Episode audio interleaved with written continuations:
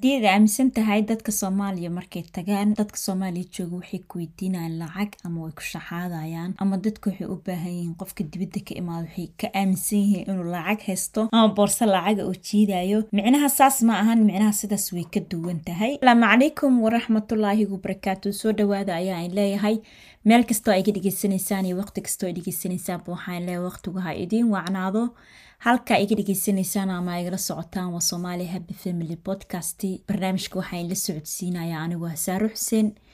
waxaan leeyahay haddaa iga dhegeysanaysa dhankaas youtube-ka waxaan jeclaan lahaa inaad subscribe saartid si uu dad badan oo walaalo badan u gaaro. Aniga waxay ii tahay dhiirigelin adigana waxay ku tahay inaa cashiradii la socotid.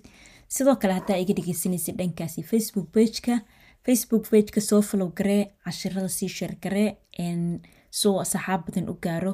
waa inkaga mahad celinaya dhegeysiga aad dhegeysataan iyo waqtigiina sida u sheergaraysan aada ayaa inkaga mahad celinaya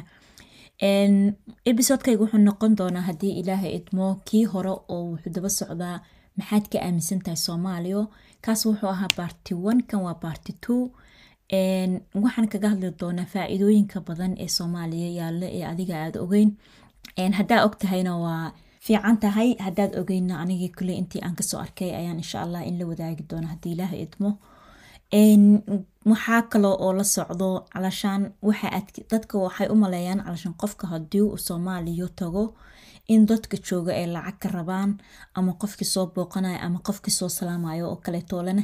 uu lacag ka doonayo taas dadka waxaa mudda difaac inay kaga jiraan. Taasna xoogaa insha allah waxaan jeclaan lahaa inaan waxyar dadka aan u iftiimiyo haddaan mowduuceyga u soo gudo u soo noqdo episodekan waa episodeka afartan iyo koobaad haddaan mowduuceyga ku soo laabto calashaan faa-iidooyinka yaalo wadankii oo adiga aada ogeyn ama aada la soconin haddaa la socotidna was okay faa-iidooyinka yaalo waxaa ka mid a ganacsiyaal badan ayaa ka jiro wadankii. Dadka ganacsiyaashaas labo qayboodba uguma baraarugsano. Labada qaybood waxa waayaan mid dadka qaar ma awoodaan oo qofka tabartiisa ayaana u awoodin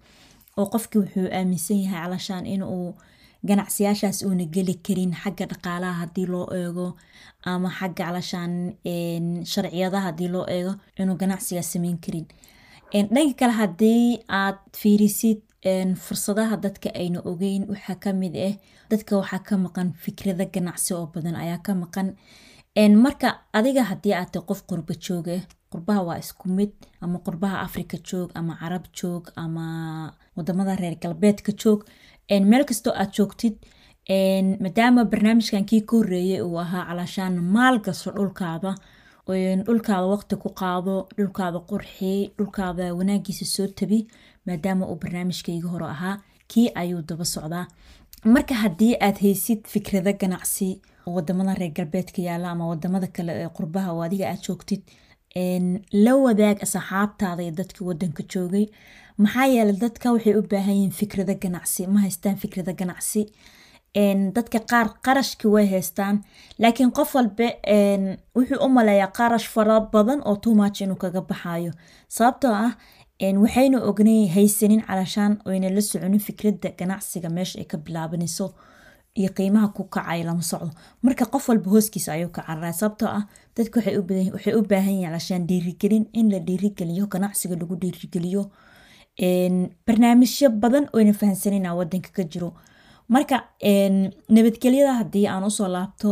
nabadgelyada way jirtaa nabadgelyo laakiin lama oran karo waa boqolkiiba boqol. Laakiin nabadgelyada jirta waa mida shacabka. Shacabka nabadgelyo ayay haystaan.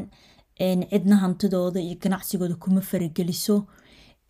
Dad qof deed wixii siyaasad dhexgalo oo siyaasad ku dhex jiro deed siyaasada dhexgashid calashaan way ku saameyneysaa dhaqaalahaaday saameyneysaa dhaqdhaqaaqaaday saameyneysaa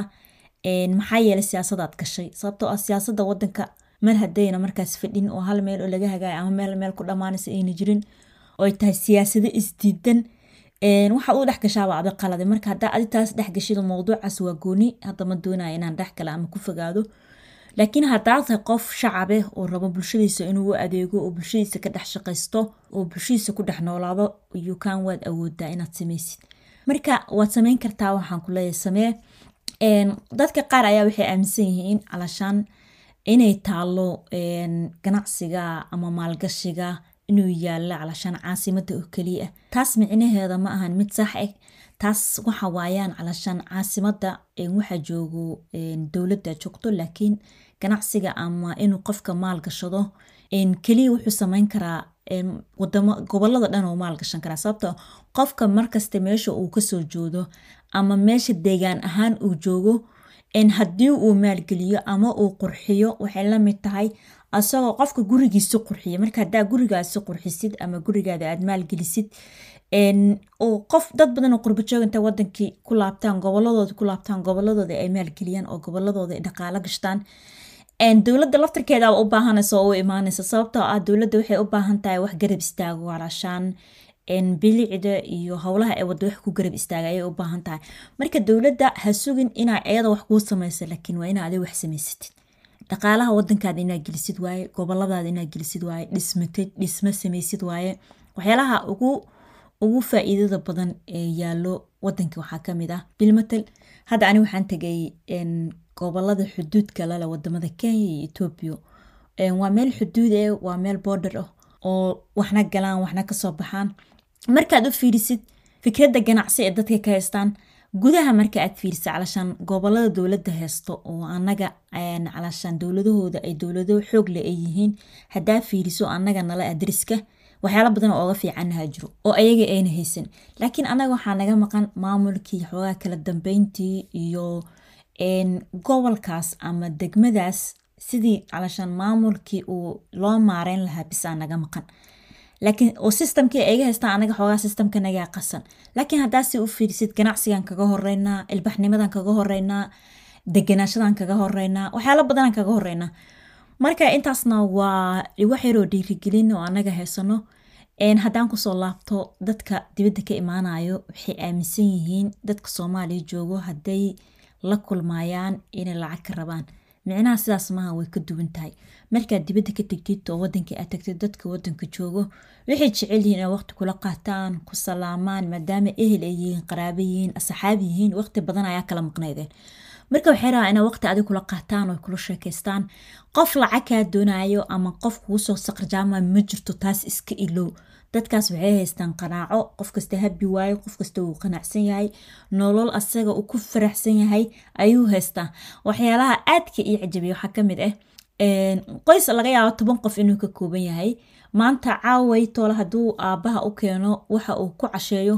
kama fakeraya beritole wuxuu ku qadaynaya olredy maskaxdiis waa iska degantay habi waayo wuu helayaa. Marka qanaaco waay. Annagana waxaas ma ahane saan saacad walba sakin walba u xisaabinayna ayaa maskaxdanadii gubatay. Marka dadkaas waa dad qanaaco haysto waa dad habi e maba dadka calashaan maba ku soo saqarjaamayaan waana laga yaqaanaa dadka qurbaha ka yimaado. Qofkan qurbaha haduu ka yimaado lagu dhahta laga in salaanta lagula dabamaro sababtoo ah fikirka annaga aaminsana wuxuu yahay haddii calashaan wadanka tagtid in lacag lagaa rabo cid lacag kaa rabta male dadka weji furan ku soo dhawee fikradahooda iyo la wadaag waxyaalaha ay jecelyihiin oo aydiyada ka guuxaysa ka soo qaado dadka calashaan dhiirigeli inay meeshaan waxba oolin laakiin xagga nimcataa la dhiirigeli inay fikrado raadsadaan oo adduunka hadda wuu hormaray